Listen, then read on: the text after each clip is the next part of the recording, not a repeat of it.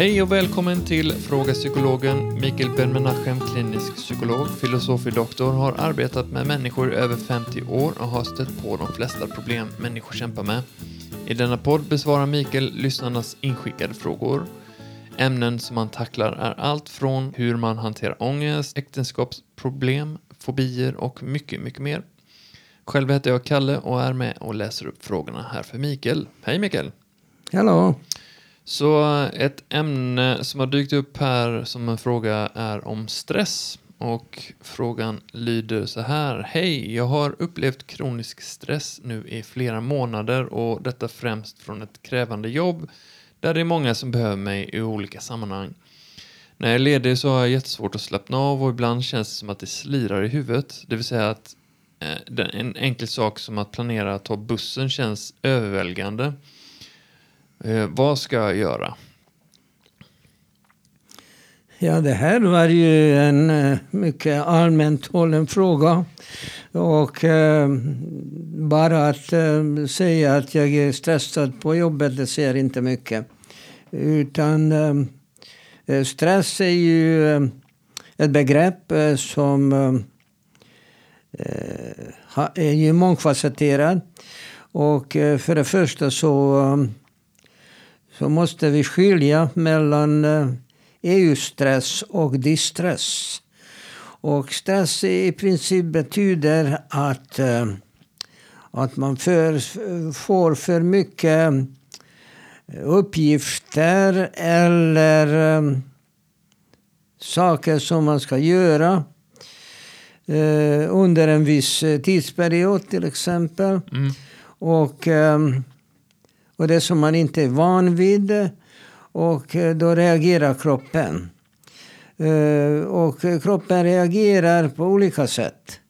Eh, för det första så själva stress är inte nödvändigtvis något som man behöver vara orolig för. för. Låt oss förklara det här. Den som orsakar stressreaktion hos oss kallas för en stressor. Och en stressor kan i princip vara vad som helst som eh, lyckas utlösa en stressrelation hos oss. Och det betyder att eh, någonting som inte alls har varit en stressor tidigare. Om du behöver göra eh, någon arbetsuppgift och, ehm, och det är du van vid och det är inget problem med det, att, ehm, att klara av det.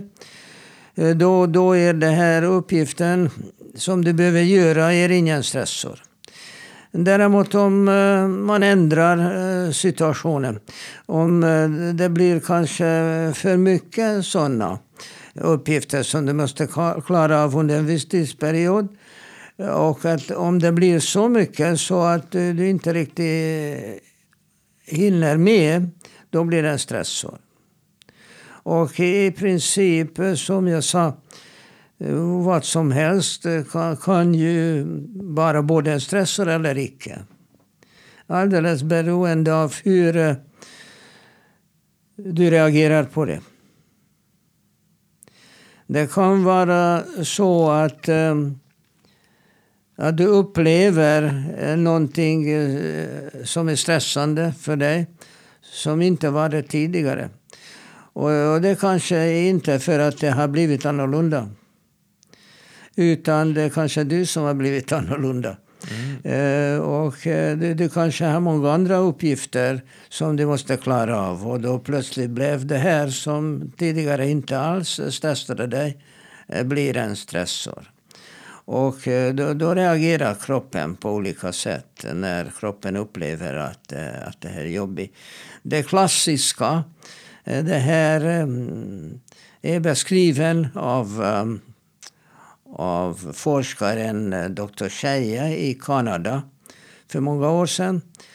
Och de gjorde så här. Han hade i laboratoriet en assistent som hette Tom. Och han ehm, brukade dricka vatten från ett glas eh, som kom någon sorts eh, rengöringsmedel med en gång i tiden. Och eh, fabriken som tillverkade det här rengöringsmedlet som har lut i. Um, uh, gjorde det i ett glas för att folk ska köpa det här glaset och sedan uh, rengöra det ordentligt och använda som dricksglas. Så, så att det var en sorts eh, reklam att folk ska köpa det här för att man efter man har använt rengöringsmedlet kunde använda det här behållaren som ett vanligt vattenglas. Eh, och eh, så var det. Men eh, det här Tom använde just ett sånt här glas som hade eh, lut i tidigare. Mm. Men så de hade en ny hembiträde som inte visste om det utan såg eh, på hyllan en sån här glas och det, det stod ju på det namnet på det här rengöringsmedlet. Så hon hällde i det från en större behållare. Och det kände inte Tom till och han tog en ordentlig klunk och eh, det har ju eh, resulterat att att hela hans svalg blev anfallen. Och han kunde helt enkelt inte svälja efter ett tag utan de fick göra en öppning och fick ha sin näring genom den här öppningen. Så det var ju jättejobbigt. Uh -huh. Eh, men eh, så upptäckte forskarna att eh, genom det här hålet som han då har haft så kunde de studera maginnehållet. Och ja, det var kanske lite osnäll mot dem. Men samtidigt så så tyckte de att det var enastående tillfälle att studera det som tjejer kallade för stress. Mm. Och de liksom pratade med Tom och eh, retade honom kanske och eh, liksom, eh, var elaka mot honom och så. Eh, och samtidigt så, eh, så mätte de eh, magslemhinnan. Och eh, de upptäckte att eh, magslemhinnan reagerade. Nu har två forskare från Australien har ju fått Nobelpriset för att eh, de har upptäckt ett bakterium. Så det är ett bakterie, en bakterie som, som kan orsaka eh, stresssymptom. Eh, och, eh, och då kan man eh, med mycket enkla medel eh, behandla det här. Men då var det inte känt. Och dessutom så är det inte hela sanningen. För att eh, man kan ju få magsämhinnan att reagera eh, på olika mm, retningar. Och det här de väldigt tydligt eh, såg när de retade Tom. Och eh, därmed så har de tyckt att de har etablerat den här kontakten. Och det finns mängder med andra exempel på det. Till exempel i London under andra världskriget Eh, så togs en hel del eh, brandmän in till sjukhuset med blödande magsår. Och tydligen, de, de hade ju väldigt många eh, brandlarm när tyskarnas bomber föll. Och brandmän var ju oerhört stressade att, att lyckas släcka alla bränder som, som uppkom efter varje bombanfall. Och då, då började också forskarna fundera hur det här med blödande magsår och eh, brandmännens arbete hängde ihop. Så det fanns en hel del olika exempel på det. Eh, hur vår kropp eh, reagerade på eh, uppgifter som man inte riktigt klarade av. Mm. Och eh, så svänga tillbaka till det här. En, eh, en stresssituation kan ju uppkomma när någonting, eh, det kan vara inom dig eller, eh, eller i din omgivning har blivit en stressor. Och du kan ju tänka dig, eh, Kalle, att om du, du gör din dagliga rutin men kanske en av dina arbetskamrater är sjuk och de har inte hunnit anställa någon och du måste klara också hennes arbete. Och då plötsligt blir det för mycket. Så eh, jobbet som inte alls varit stressigt för dig utan du tyckte var behagligt och inte hade några problem alls. Det plötsligt har blivit en stressor. Mm. Men eh, man kan ju eh, motarbeta det här på olika sätt. Dels så bör man titta på stressorerna. Så att när du säger att någon har blivit så stressad, ja det alldeles beror på vad eh, är för stressorer som reagerar på. Och det, det, det, vet jag inte. Det får vederbörande tala om för oss. Eh, vad som har hänt i, inom henne eller i hennes omgivning som har gjort någonting som inte har varit en stressor. Eh, har blivit en stressor. Så det är väldigt svårt att, eh, att kunna råda någon när man inte exakt vet eh, vad som har blivit en stressor. Det är, det är A och Ö i sammanhanget. Men eh, man har känt sig så här överväldigad som, som den som skriver in beskriver att man liksom när man väl är hemma och på fritiden att man kan känna sig sådär överväldigad av minsta lilla liksom. vad, vad, vad, skulle du säga liksom att man skulle, hur hanterar man det liksom? Ja, det är att det här, eh, reaktionen är inte, inte mm, ögonblicklig. Utan det kan ha en fördröjning också. Eh, och ofta så, så kommer reaktionen lite senare. Kanske när man har redan kommit hem och, och satte sig på soffan och, och vill koppla av och reaktionen, stressreaktionen kommer just då. Eh, så att eh, det är inte nödvändigtvis den här reaktionen som kan vara både fysisk och, och psykisk eh, kommer ögonblickligen. Utan kommer lite senare. Men för det mesta så vet man vad som har orsakat det här. Man känner sig själv rätt så bra i regel.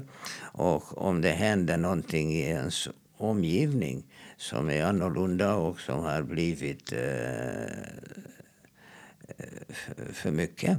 Mm. Eh, så reagerar man på det, men inte nödvändigtvis eh, på en gång.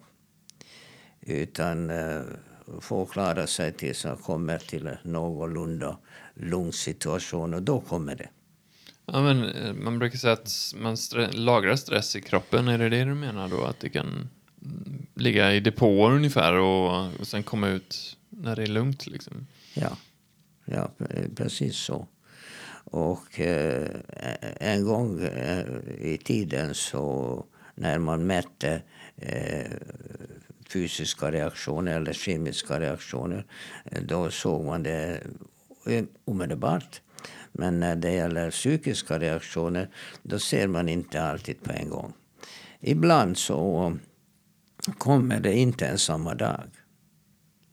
Mm. Men om det upprepar sig och eh, det blir liksom en ny, eh, ett nytt sätt att vara eller nya uppmaningar som vi har jobbigt eh, att klara av då får man försöka göra någonting åt det.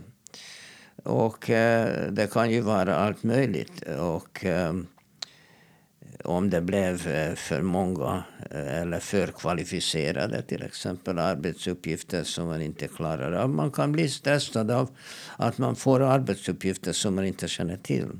Och eh, som någon, kanske chefen, tror att du klarar av. Och eh, du är osäker på att du gör det. Och sådana saker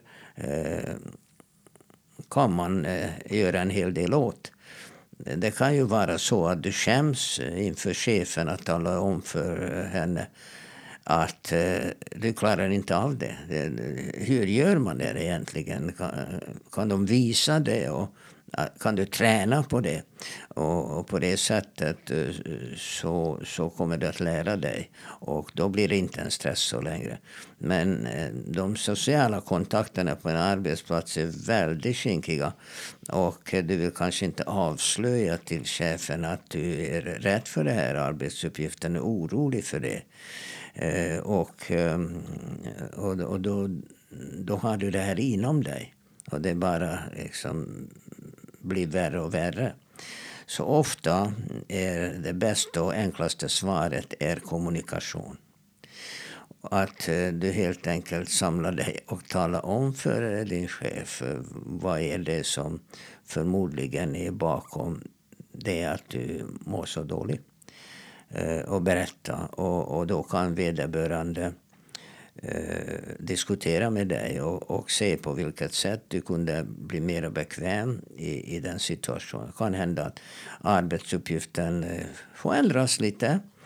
Eh, så att du eh, kan göra det bättre. Det kan hända att, eh, att det är någon annan som eh, ska göra den här arbetsuppgiften. och eh, kan hända att, att själva arbetsuppgiften Eh, ska göras på ett annat sätt. Det finns ju mängder med olika variationer. Eh, men om, om du vet väldigt tydligt vad är det för någonting eh, som stressar upp dig då är enda rätta svaret är kommunikation. Och med kommunikation det finns ju olika problem. Men det första och största problemet är att, att du vill inte avslöja dig. Du vill inte avslöja att du är okunnig eller att du inte klarar av någonting. Utan man försöker dölja det här många gånger. Men det, det resulterar inte eh, någonting bättre. Och eh, det är klart att eh, om situationen på arbetsplatsen är sådan att det är inte kutym att man talar öppet och ärligt med varandra. Då, då är det svåra kommunikationsproblem på jobbet. Om du inte kan säga till en arbetskamrat eh, jag klarar inte av det här, kan du visa mig? Kan vi öva på det? Om du, om du inte vill avslöja dig så att säga och inte vågar säga sådana saker, då har vi kommunikationsproblem på jobbet. Då, då får vi försöka och ändra på det. Och eh, det är möjligt att det hänger ihop med hela din väsen. Att eh, du kanske inte har lärt dig hemma i, i barndomen att, eh, att signalera när du inte förstår någonting.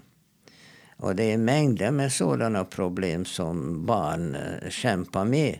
Eh, tänk på en enkel situation att du har i matte i skolan. Va? Och läraren förklarar hur man löser ett visst problem. Och eh, så frågar han, förstår ni? Och några säger ja, okej. Okay. Och du vågar inte säga att du inte begriper ett dugg av det här. Och nästa gång så är det ett nytt problem, ett nytt sätt att lösa. Återigen, läraren visar hur man gör det och en del säger de förstår och du förstår fortfarande inte. Och då har du också det som du har inte förstått eh, gången innan. Och då samlar du på det här tills du börjar tänka att det här, jag är hopplös. Alltså du generaliserar och tycker att jag begriper ingenting matte. I själva verket så, så det var bara det att det inte blev en, en bra kommunikation mellan dig och läraren. Och eh, för att du kanske inte ville eh, avslöja din okunnighet. Och det är väldigt vanligt. Eh, Skolmiljön är en mycket eh, aggressiv miljö många gånger. Liksom den som eh, visar sig vara dum eller som inte begriper, då, då, då blir kanske retad för det eller liknande saker. Det är en svår miljö faktiskt. Något som jag märkt hos mig själv och även andra i min omgivning är att en stor stressfaktor som är svaga gränssättningar. Det vill säga, man formulerar saker hos sig själv. Liksom, om inte jag gör det här så gör, gör ingen det. Eller man tackar, säger ja till saker när man borde egentligen säga nej.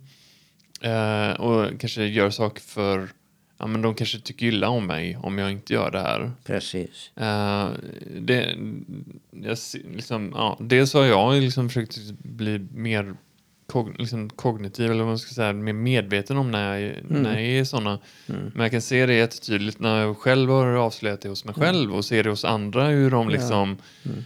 Ja, ja visst, det går bra, det går bra. Och så vänder de, liksom, vänder de sig till mig liksom, och så klagar de över ja. dem, just det de har sagt ja till.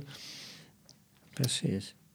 Alltså, i, i, I arbetsmiljön det är det egentligen betydligt lättare.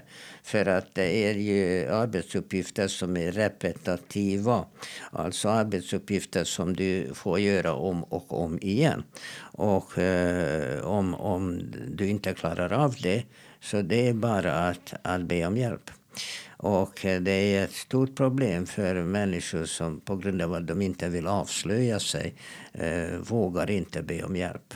Och då, eh, då finns det brister när det gäller självförtroende. Eh, att man inte vågar eh, ställa en fråga. Och det kan man med lite terapi avhjälpa faktiskt. Mm. Däremot i skolmiljön det är mycket värre. I skolmiljön är kunskapsinhämtningen är kumulativt. Och eh, man inte vågar eh, signalera att jag begriper inte det. Jag kommer ihåg när vi skulle lära oss bråktal, hur man räknar med det. Jag begrep inte ett dugg av det. Men eh, förmodligen så kändes för att be läraren att visa mig en gång till och en gång till. Och så har jag aldrig lärt mig.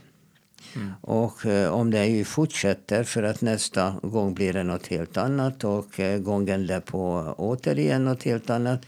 Ja, då, då har man ju tappat en hel del och hänger inte med. Hänger inte med. Och eh, det är väldigt svårt att komma ikapp när de har redan galopperat bort från den här uppgiften och hur man löser det.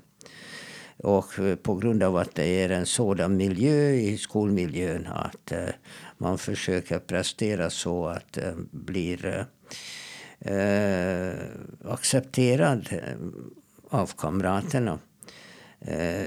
Så kan man vara ju helt bortkommen mm. när han inte vågade signalera. Det är min erfarenhet.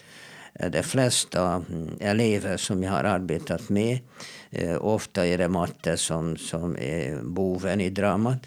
Och i själva verket så när läraren kan enkelt och eh, tydligt förklara till en elev hur du löser den här uppgiften så brukar det inte bli något problem för att den som man får då som hemläxa eh.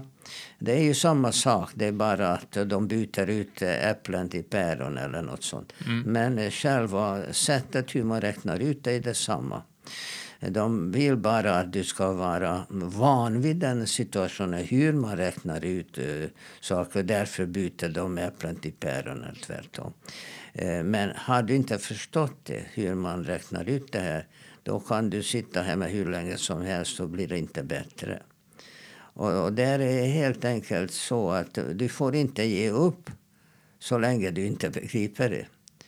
Och eh, på grund av att eh, eh då blir man retad, så den dumhuvud som inte begriper det som signalerar till läraren hela tiden. Eh, och det blir utskrattad. Jag kommer så väl ihåg att eh, när jag började läsa psykologi så en av våra första kurser var, hör och häpna, i musikpsykologi. Aha. Det var ett väldigt intressant ämne. Och läraren ställde flera frågor. Och jag försökte gissa och eh, viftade med handen. Och ja, vad tycker du Mikael? Och då sa jag, nej, sa nej det är inte alls. Och de andra satt och tryckte och tänkte, han har gjort bort sig, han har bort sig, dum huvud. Och, och om, om jag då skulle ha blivit eh, tystlåten och inte vågat ställa några frågor till, då ska jag nog förmodligen inte lärt mig någonting. Men jag fortsatte med att ställa frågor och eh, de andra fortsatte med att, eh, att eh, trycka och skratta. Så efter ett par lektioner så gick jag gick fram till läraren och jag sa till honom, jag ber om ursäkt verkligen. Varför, sa han. Jo, för alla mina dumma frågor. Och då sa han, men kära vän. Utan dig jag skulle dö av, av um, att bli uttråkad. Mm. Jag är den som tackar dig för dina frågor. Ja. Eh, om, om, man förstår att lärarna tycker om frågor. Alltså. För att eh, det betyder att en elev är intresserad. Annars så kan inte läraren bedöma hur mycket du har förstått av det. Alltså utan frågor så fungerar inte undervisningen. Om eleven bara sitter där. Men det är det som är problemet att eh, har man en någorlunda dålig självkänsla och man eh, inte är eh, helt nöjd med sig själv så vågar man inte ställa en fråga. Så egentligen så bottnar det här som allt annat i dålig självkänsla. Mm. Mm. Där, där har vi det, det, det, det, går väldigt lätt att avhjälpa. Man får lista ut helt enkelt vad du tycker om dig själv. Och, ofta så eh, går det åt det hållet att uh, terapeuten får lista ut vad du är bra på. Mm. Och, och prata om det här. Och jag kommer så väl ihåg i Göteborg när jag var eh, nybörjare som terapeut. Så det var en legendarisk eh, kvinnlig psykolog i Göteborg som hette Karin Thorén. Och jag frågade henne om jag får vara med i några av hennes terapisessioner så att jag lär mig lite av yrket. Ja, visst, hon. Du är välkommen. Så jag gick där. Hennes mottagning finns fortfarande på Vasagatan fast nu är det helt andra psykologer där. Och, eh, så patienten berättade för henne en hel del om sig själv. Och nästa gång kom samma patient igen och då började Karin prata och frågade inte eh, patienten eh, mera om de här problemen. Och då sa jag till henne du, du har inte frågat efter flera problem. Nej, snälla du, sa hon. Jag orkar inte med att lyssna på allt det här. Och det hjälper inte. Det hjälper inte att bara gräva i negativa saker. Och Karin försökte lista ut eh, vad det här eh, människan var bra på och prata mest om det. Mm. Istället för att gräva och gräva och gräva. Så när jag till exempel frågar en patient eh, hur var det när du gick i första klassen, när du började skolan? Eh, så en del eh, nybörjarpsykologer brukar säga, är det någonting du hade problem med? Är det någonting som du har haft svårt? så vidare. Så man liksom trycker ner äh, människan. Mm. Tvärtom, jag brukar alltid fråga, vad, vad tyckte du mest om när ni satt där i klassrummet? Och när hon säger, jag tyckte om att rita. Och då, då nappar jag. Och fortsätter på den linjen och säger, Eh, tyckte de färger också till exempel. Och vilka färger? Och, ja, det är klart att det finns analytiker som försöker ju, eh, tolka i allt möjligt i, i saker. Och vi, när jag var eh, praktikant så första psykologåret i eh, Ulleråkers sjukhus i Uppsala. Så vi hade en psykiatriker, eh, Bengt Berfer, eh, som eh, som kom förbi på korridoren när jag satt med några. Vi hade konstterapi. Och det innebar att eh, en antal, ett antal patienter och jag satt där och målade. Och han tittade omkring lite hittan och dittan och så kommer han till mig och viskar. Mikael, såg du att den här kvinnan använder bara två färger, rött och svart? Mm. Ja, okej, okay, så vad? Ja, men det vet du väl att de är ju tecknen på hat, eller hur? Och då sa jag, okej, okay, låt, oss, låt oss lista ut det. Och jag gick fram till patienten och sa, du Elsa, du använder bara rött och svart, varför? Ja, men de andra tog alla andra färgerna, sa hon. Ja.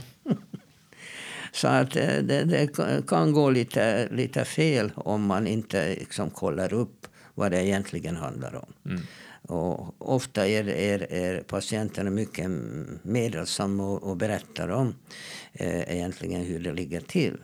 Och, eh, men jag brukar eh, fråga vad har du målat? Man behöver inte psykologisera omedelbart om det här.